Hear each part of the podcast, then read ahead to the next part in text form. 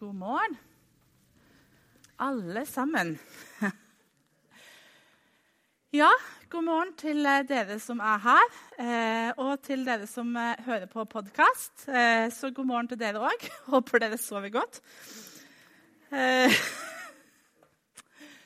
Nå håper jeg at, at dere har hatt en fin jul og godt, en god nyttårsfeiring i går. Og jeg syns at dere er gode som er her. Jeg sov to timer i natt fordi jeg har eh, hund, eh, og da er jo nyttårsaften kanskje litt sånn eh, ikke så veldig gøy for de firbente. Så alle dere som er foreldre og som har nattevåk, nå vet jeg akkurat hvordan dere har det.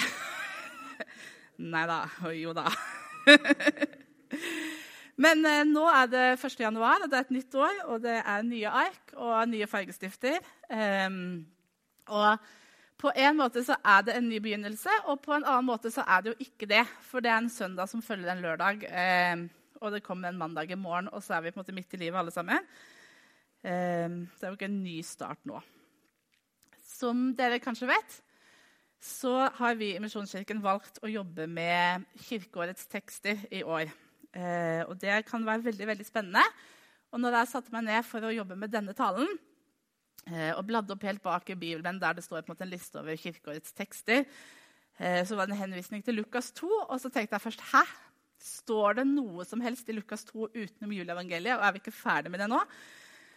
Og så viser det at det står faktisk ganske mye i Lukas 2 etter juleevangeliet som vi ikke skal lese. men det er ett vers som vi skal lese, fra Lukas, 21, nei, Lukas 2 og vers 21. Da åtte dager var gått og han skulle omskjæres, fikk han navnet Jesus. Det som engelen hadde gitt han før han ble unnfanget i mors liv. Var ikke det en spenstig prekentekst? Det er det, liksom. Eh, og den dagen i dag den kalles for Jesu navnedag. og Det er fordi at etter jødisk tradisjon og Maria, Josef og, Jesus for så vidt er født som jøde, Eh, så skulle de ta med det nyfødte barnet til tempelet for at han skulle omskjæres eh, og få navn den åttende dagen, altså i dag. Eh, og det gjør selvfølgelig Maria og Josef også med sin lille gutt Jesus. Og Vi skal snakke litt om dette med navn i dag, tenkte jeg, på denne navnedagen. For det er jo en sammenheng mellom navnet vårt og identiteten vår. Navnet er ofte den aller første og kanskje den viktigste identitetsmarkøren. Det første vi lærer. Hvem er vi? Jeg er Linda. Eh, og Det er noe av det aller, aller første vi lærer oss. Og så er det mye annet som sier noen ting om hvem jeg er, men det er navnet som på en måte er det første og kanskje det viktigste. Eh, så jeg har tre punkt i dag, eh, og det er veldig pedagogisk å si det. Eh, sånn at jeg på en måte vet hvor vi skal, og hvor vi, eh, hvor vi bærer hen. Så det første vi skal snakke om, det er på en måte hva sier navnet ditt om deg? Hvem er du, på en måte, eller hvem er jeg? Eh, så skal vi snakke om Jesus, og hva sier Jesus navn om han? Eh, og til slutt skal vi på en måte si noe om når de møtes, og hva Gud sier om deg. Yes, Så da begynner vi. Og hva sier egentlig navnet ditt om deg? Og jeg tenker at når man blir foreldre og får dette lille barnet, så er det en en kjempeviktig oppgave og ikke noe man tar lett på dette med å finne navn. Man vil ha et navn som passer, et som kler barnet, et som det kan bruke hvis det skal bli president i USA og trenger noe som kan uttales på engelsk. Du kan ikke hete Veslemøy da, eh, tror jeg. eh, noen kaller opp etter slekt etter, altså for å gi barnet tilhørighet. Så det er på en måte noe man, man bruker litt tid på. Mamma og pappa brukte litt tid på det når, eh, når jeg ble født. Eh, ganske lang tid. Eh, pappa holdt lenge en knapp på Nora. Det syntes han var veldig veldig fint. Og mamma syntes ikke at det passet seg å kalle opp et barn etter et syltetøy.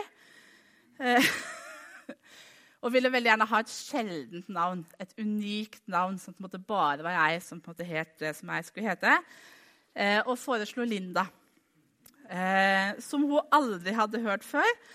Eh, og mammaer får ofte rett, har jeg skjønt, når det gjelder dette med navn. Eh, og jeg er født i 1982. Eh, da var Linda på topp ti eh, på navnelister for jentenavn. Um, og da var det på vei ned, for i 1975, 77 og 78 så var det det mest brukte jentenavnet i Norge. Uh, jeg har aldri gått i barnehage eller i skole eller vært på fritidsaktiviteter uten at det har vært minst én annen Linda der. Kjempesjeldent. og mamma liker det ikke når, eh, når, vi snakker om det, så det er veldig bra at ikke mamma er her, og at mamma ikke vet at vi har en podkast. eh, og så har dere sikkert hørt eh, at navnet skjemmer ingen. Sant? Det er et fint ordspråk som vi ofte bruker når vi tenker at det navnet kanskje skjemmer noen. ikke sant? For vi har jo noen sånne forventninger til enkelte navn. Um, for eksempel Harry og Ronny og Kenny. Ikke for å tråkke noen på tærne, men man tenker jo kanskje at det, at det er ikke den nye biskopen i Stavanger. Sant? Um, så det er noe med at navnet sier noen ting. at Når man presenterer seg med navn, så leverer man òg et rykte ifra seg.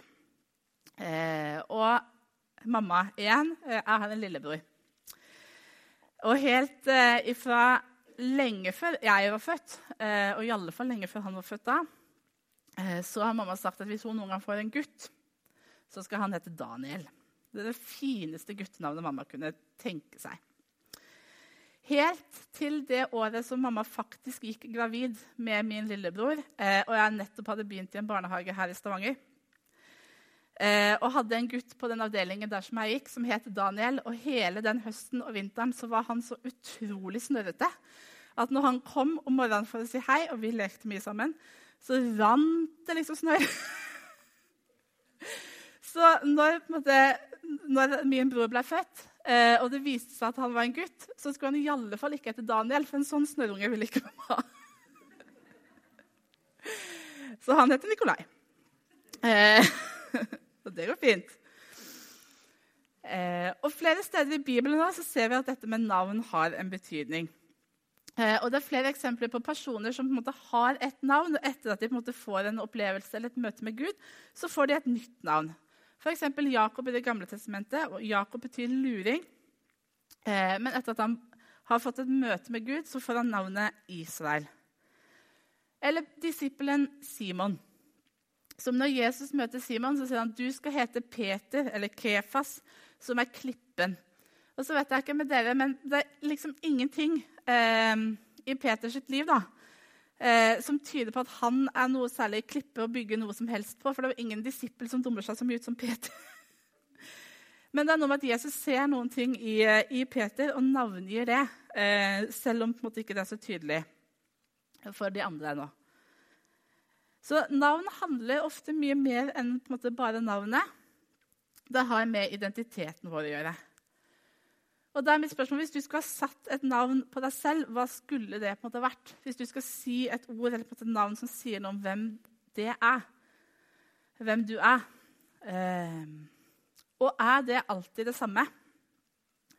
Eh, Linda er spansk eh, og betyr vakker. Det ser dere jo. Eh, og jeg heter faktisk Linda Marie, og Marie betyr vakker det òg på et annet språk. Så jeg er dobbelt vakker. Eh, og så tenker jeg at noen ganger Når vi velger sånne ord som på en måte sier noe om oss, så kan det på en måte være altså at vi kan føle altså, vi er snille, vi har lyst til å være rettferdige, vi er greie. At det måte er ord som sier noe positivt om hvem vi er. Eh, men i andre perioder av livet så kan det på en måte være ord som trykker oss litt ned. Eh, at vi på en måte kaller oss dumme og håpløse, at vi snakker oss ned. Og det svinger litt, på en måte, eh, hvor vi er. Og så kan man jo også snakke om å, skape seg et navn. Eh, og lage sitt eget rykte. Hvis du f.eks. starter et firma og skal selge et produkt, så er det måte, viktig å bygge opp et merkenavn. Altså lage en nisje og måte, levere et produkt som passer inn der. Men måte, i vårt eget liv, på det personlige plan, så kan vi kjenne litt på det samme, tenker jeg. Fordi at vi har lyst måte, til å høre inn og måte, passe inn i et fellesskap. og måte, har lyst til å presentere den siden av meg som liksom, dette er meg, og jeg passer inn her hos dere. ikke sant? Um, og så ta ansvar for det, på selge det som måte, passer best. Eller Noen ganger så lar vi måte andre definere oss. At sånn som de andre snakker og tenker om meg, det er på den rollen jeg tenker jeg har, og som jeg prøver å levere. Positivt eller negativt. Og det kan være utrolig slitsomt å skape sitt eget navn og bygge på en måte merkevaren Linda. Um, eller på en måte leve med forventninger som skal fylles. Og det tror jeg vi kan kjenne på alle sammen. at det er vanskelig å på skulle være på topp hele tiden og på en måte selge seg selv og være, være den beste utgaven av seg selv hele veien. Og så tenker jeg på i dag, på første nyttårsdag. og Når en måte året ligger foran, og verden ligger foran, og alt er på en måte helt nytt og ubrukt, så er det noen av oss som er her i dag, som kjenner på en sånn utrolig optimisme. Som tenker at 2016 var bare kjempebra. Eh, det fungerte fint i familien, det fungerte fint på jobben. Det, på en måte, fritiden er super. Alt er bare helt perfekt. Og som på en måte er kjempeklar for at 2017 bare fortsetter i samme gate. Og så er det noen som kjenner på en maktesløshet kanskje, fordi at 2016 var ikke så bra. Eh, det var problemer hjemme, sykdom, problemer på jobben. På mye ting som er vanskelig og, vondt. Og så tenker vi hvorfor skal ting endre seg nå? Så, så det er noe med at vi møter det nye året med litt forskjellige forventninger. Så det er på en måte oss og vårt utgangspunkt. Så skal vi si noe om Jesus. da. Det er alltid fint når man er i kirken på en søndag. Og I den lille teksten som vi leste i Lukas, så leser vi på en måte at Jesus fikk navnet sitt, Jesus, sånn som engelen hadde sagt før han ble unnfanget i mors liv. Og hva sier Jesu navn om Jesus, da? For selve navnet Jesus, det betyr frelser eller Gud frelser. Og i parallellteksten, altså når Matteus skriver om denne fortellingen, så skriver han alt dette skjedde for at det ordet skulle oppfylles som Herren hadde talt gjennom profeten. Se, jomfruen skal bli med barn og føde en sønn, og de skal gi ham navnet Immanuel, som betyr Gud med oss. Så Jesu navn sier i alle fall to ting om Jesus og hvem han er. For det første så sier det at Jesus er den som frelser. Han er den som kommer med frelse. Og Vi har lest Bibelen og vi kan historien om at Gud skapte mennesket for å leve i fellesskap med seg. Eh, og Mennesket ødela den relasjonen, og så kommer Jesus for å gjenomrette den brutte relasjonen mellom Gud og mennesker. Så Jesus er på en måte Gud som kommer med frelse. Og Det er ikke bare fine ord som vi på en måte snakker om. Det er en realitet, og det er på en måte viktig for mitt liv og det er viktig for ditt liv. Og det er viktig selv om du har levd som kristen i to dager, eller i 200 dager, eller i 200 000 dager. Kan du leve så lenge? Jeg vet ikke. kan vi regne på etterpå. Um, at Jesus er den som kommer med frelse. Uh, og som kommer med en ny start og en ny begynnelse.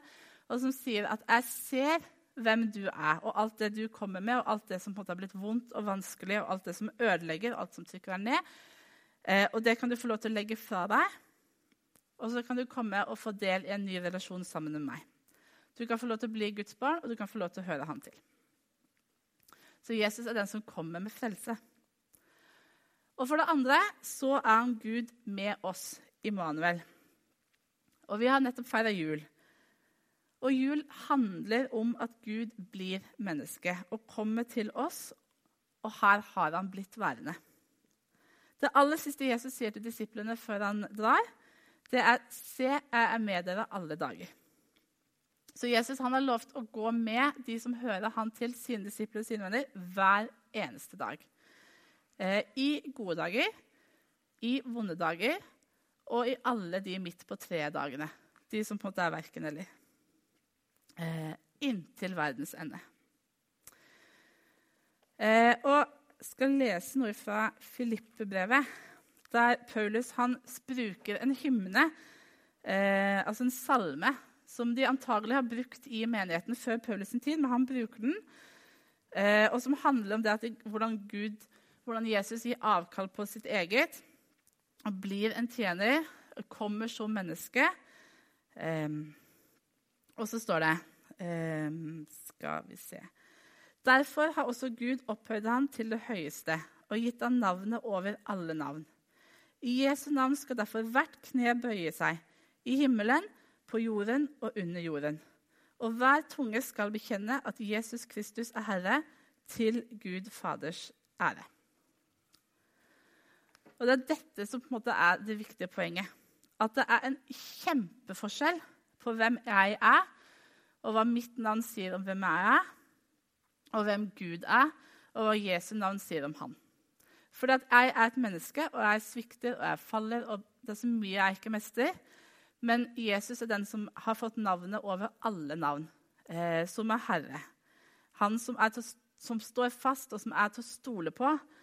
Han som er frelser, og han som er Gud, som går sammen med oss i dag og alle dager. Og for de av dere som var her på julaften, på den første gudstjenesten, så snakket jeg om denne teksten eh, og fortalte at bildet om at hvordan Jesus er som en eh, konge.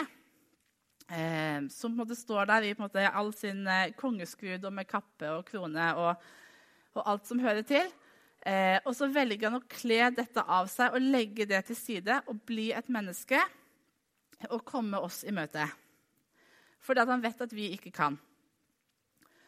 Og så videre at For de som da tror på han og tar imot han, eh, og for oss som lever som kristne, så får vi del i denne herligheten, denne verdigheten. Da står han og, sier at, og dekker oss i på en måte, rettferdighetens kappe.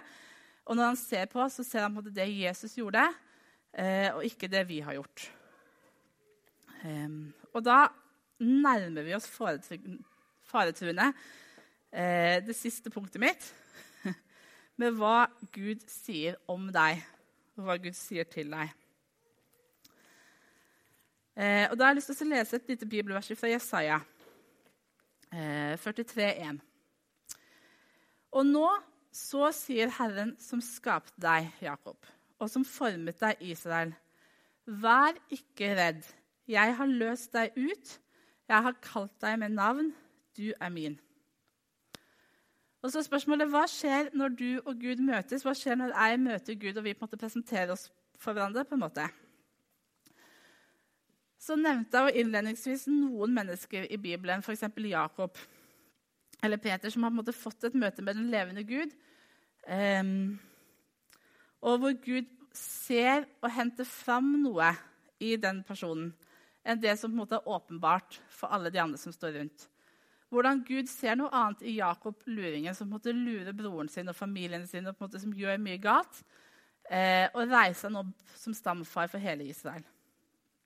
Eller Paulus, som først heter Saulus, og som forfølger de, kirken og de kristne, og som får et møte med Jesus som forandrer han, og på en måte gjør han til Paulus, som er, en, som er med å bre evangeliet utover hele den kjente verden.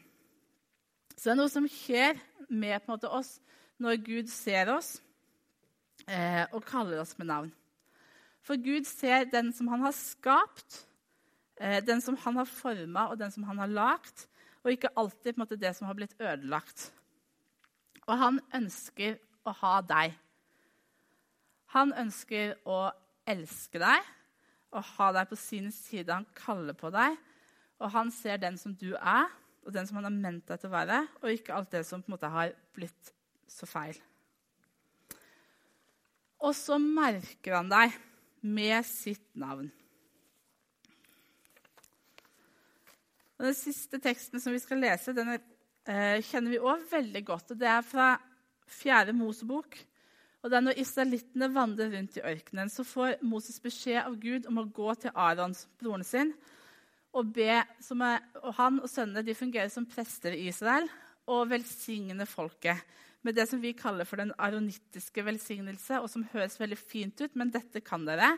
For det er de ordene som vi bruker når vi avslutter hver gudstjeneste. står det, Herren sa til Moses, tal til Aron og sønnene hans og si:" Slik skal dere velsigne israelittene. Dere skal si til dem, Herren velsigne deg og bevare deg. Herren la sitt ansikt lyse over deg og være deg nådig. Herren løfte sitt ansikt mot deg og gi deg fred. De skal sette mitt navn på israelittene, og jeg vil velsigne dem. Og Her er det en sammenheng mellom det å være merka med Guds navn og tilhøre Han, og det å være velsigna av Han. Og når jeg satt og jobbet med den talen og forberedte meg, så var jeg oppe på kontoret til Frode og henta en sånn kjempesvær gammel bok som kommenterer hele Gamle testamentet. Eh, og den tar liksom ikke sikte på å være veldig oppbyggelig. eller på en måte, Det er ikke en andagsbok, den bare liksom veldig sånn saklig. Så går den gjennom ord for ord og setning for setning nedover. Eh, og midt inni der så leser den som bare helt genialt i et avsnitt. Og Jeg tror nesten ikke at man kan kalle det et avsnitt heller, for du har et bilde jeg, av det. At det er bare sånn tettskrevet der. og midt inni der står det. Og det er som oversatt fra engelsk, så det er på en måte, men det er fortalt som det det er. Eh, Idet de velsigner folket, setter prestene det hellige navnet på Israel. Presten proklamerer at de tilhører Gud, siden hans navn også medfører hans nærvær. Og han som har Guds navn nevnt over seg, er garantert Guds velsignelse. Så når prestene velsigner folket eh, og nevner Guds navn over dem, og de er Guds folk, så garanterer det samtidig òg for Guds nærvær og Guds velsignelse. Eh, og som sier så utrolig mye fint eh, om at Herren skal velsigne og bevare. Og som for de første kanskje da handla mye om at de skulle ha eh, eh, geiter nok, korn nok, mat nok, eh, ly for vær og vind. Eh, og som for vår del handler om at Gud ser det vi trenger, og har lyst til å forsørge oss. Eh, og han som skal bevare, som holder unna fare. Eh, som sørger for å beskytte og bevare sine. Eh, og Herren som lar sitt ansikt lyse over deg. Eh, og da tenker jeg, hvis dere har barn eller kjenner noen som har barn, uh, eller har sett et barn på butikken noen gang, eller har vært barn, uh, så har dere kanskje sett hvordan små barn um, Ikke når de er spedbarn, men når de begynner å bevege seg litt ut, så tør de å gå mye lenger og på en måte utforske mye mer hvis de opplever at mamma eller pappa er i nærheten og holder det fast med blikket. Eh, og så har dere kanskje sett at mamma og pappa de gjør det eh, når ettåringen og toåringen stabber av gårde. Så ser man liksom følge med, vet hele tiden hvor de er. Og hvis de ramler, så sier man trøster man og sier at det går bra, og løfter de opp. og alt det der. Eh, og når jeg har studert pedagogikk, så snakker vi egentlig mye om det gode blikket og det å holde, holde barnet fast. For vi vet at det trenger barnet eh, i sin utvikling. Og så er det sånn med oss at det trenger vi som mennesker at Gud gjør òg. Eh, at han holder oss fast med blikket. Eh, at han lar sitt ansikt lyse over oss. Eh, at han er som den gode moren eller faren som følger med, og som vet hva vi gjør, og som er klar til å sprette opp og plukke oss opp hvis vi tryner. Og sette oss på beina igjen og dytte oss av gårde. Og det vil Gud gjøre. Eh, og Herren løfter sitt åsyn på deg og gir deg fred, står det. Og nå har jeg ikke sjekket kildene mine, men det er en utrolig god fortelling, så vi tar den allikevel. Eh, at når det står at Herren løfter sitt åsyn på seg, så er det for at i datidens rettssystem så var det sånn at hvis du var tiltalt for noe, eh, så fikk du komme fram og tale din sak. Eh, og da var det sånn at hvis vedkommende som skulle dømme deg, løfta blikket og møtte dine øyne, så blei du fri. Da var du frikjent. Og det gjør Gud. Når vi kommer til, oss, til han, så løfter han blikket, og så møter han våre øyne, og så blir vi fri. Så er vi frelst. Og det gjelder første gang og andre gang og hver eneste gang eh, helt til like til jordens ende. Og så har jeg tatt med et bilde av pappa. Eh, og nå skal vi slutte. Den eh, unge, fine mannen i fronta som er så god til å ro, det er min far. Eh, og han er lidenskapelig opptatt av fugl, og han har jobbet med fugler hele sitt eh, yrkesaktive liv. Um, og det er sånn at eh, hvis du er interessert i fugl i Norge, så vet du hvem pappa er. Uh, han er på en måte fugleverdenens rockestjerne. Eh, og når vi var små og var på ferie, så var vi ofte og besøkte bestemor, som på, bodde på Runde, som er en fugleøy. og som, der bor det 100 mennesker og en million sjøfugl. Og om sommeren så kommer det utrolig mange turister for, eh, for å se på disse fuglene. Forstå det, den som vil. Um, og da er det jo litt sånn da, at det var den perioden da jeg og broren min måte, kunne kjenne litt på hvordan det er å, å være barn av en rockestjerne. Siden alle disse visste hvem pappa var. Eh, og en dag, eh, og da var broren min ganske liten, altså jeg gjetter sånn rundt seks eh, år kanskje, så eh, sitter vi ved kjøkkenbordet, hele familien. Og så kommer det en bil kjørende som vi ser med all tydelighet at dette er på en måte sånne fulle folk. Eh, og så stopper de rett ut forbi huset eh, der som vi bor, eller bestemor bodde. Fordi at der er på en måte øyas eneste eh, bussholdeplass og parkeringsplass og mulighet til å stoppe, egentlig. Og så kommer det tre eh, sånn halvvoksne menn ut av denne bilen, og du ser at dette er fuglefolk. Altså, det er på en måte kamuflasje herfra og til evigheten. og Langt hår, langt skjegg og kikkert og fotoutstyr. Så de nesten ikke kan gå og stå. Og så går de rundt bilen, og så rett og slett, og nå er jeg litt usikker på om dette er lov å si i kirken, men de later vannet. Det er det de gjør. Eh, og så syns ikke bestemor noen ting om det. Eh, selvfølgelig At de gjør det rett ut forbi hennes hus, og i alle fall ikke fordi at hun har barn i huset. Sant?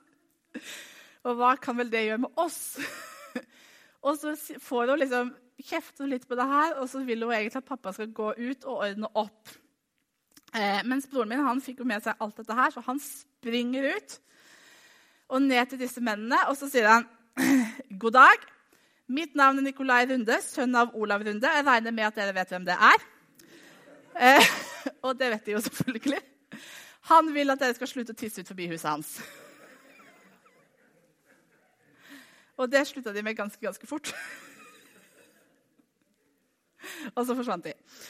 Eh, og så er det jo sånn, da eh, at nå er det et nytt år eh, og en ny start. Og det er som Øyvind sa innledningsvis, så gjør vi på en måte opp litt sånn visjoner og status. og Hvor står vi, og hvor går vi? Og Da er min utfordring hvem vil du høre på, og hvem skal få lov til å definere hvem du er? Eh, og hvilke tanker skal få lov til å styre deg? Eh, skal du på en måte gå, og skal vi gå i måte, det vi klarer selv, og det vi klarer å levere selv, eller skal vi gå med den kraft og i den velsignelse og den tryggheten eh, som følger av å være merka med Guds navn og være en del av hans folk og hans familie? Og så er det sånn, når Broren min da sprang ut og kjefta på disse mennene, så var det jo ikke i kraft av seg selv. For disse hadde jo ikke hørt på en seksåring. Men det var fordi han visste at pappas navn utgjør en forskjell. Det var ikke uten betydning å nevne pappa sitt navn. Og så håper jeg at vi eh, kan, uansett utgangspunkt, uansett hvilke tanker og følelser vi har for 2017, kan få lov til å gå ut i vår hverdag eh, med rett rygg og avslappa skuldre og kjenne på den tryggheten om at vi har en Gud og vi har en far som utgjør en forskjell. Eh, ikke for at vi skal være høye på pæra eller fordi at vi fortjener det, eller noe som helst, men fordi han er den som han er, og han er den som utgjør en forskjell. Han er den som kommer med frelse. Han er den som har sagt han skal gå med oss. Og det vil ha en praktisk betydning for meg i min hverdag og for deg i din hverdag. Det er min utfordring. Skal vi be? Kjære Jesus, jeg har lyst til å takke deg for at eh, nå er det et nytt år med alt det medfører av eh, at vi opplever at det er nye muligheter og nye sjanser. Og jeg har lyst til å be deg, Jesus, om at du skal hjelpe oss om å, å, feste blikket på deg og se hvem du er, og hva du har gjort, og hvilken betydning det har for oss. Og ikke være så opptatt av uh, alt det vi ikke klarer, og det vi ikke mestrer. Så ber jeg om at du skal hjelpe oss å finne vår kraft og vår styrke og vår trygghet i deg, og ikke noe annet sted. Så ber jeg for, eh, for alle de som føler at, eh, at dette er vanskelig, og at, eh, at, det har blitt rot, og at det er mye å At man liksom skal skjerpe seg og ta seg sammen og klare bedre å leve livet sammen med deg. Jeg ber om at du skal vise dem at det, det er ikke det det handler om. Det handler om hvem du er, og hva du har gjort. For at vi først og fremst kan få lov til å ta imot. Amen.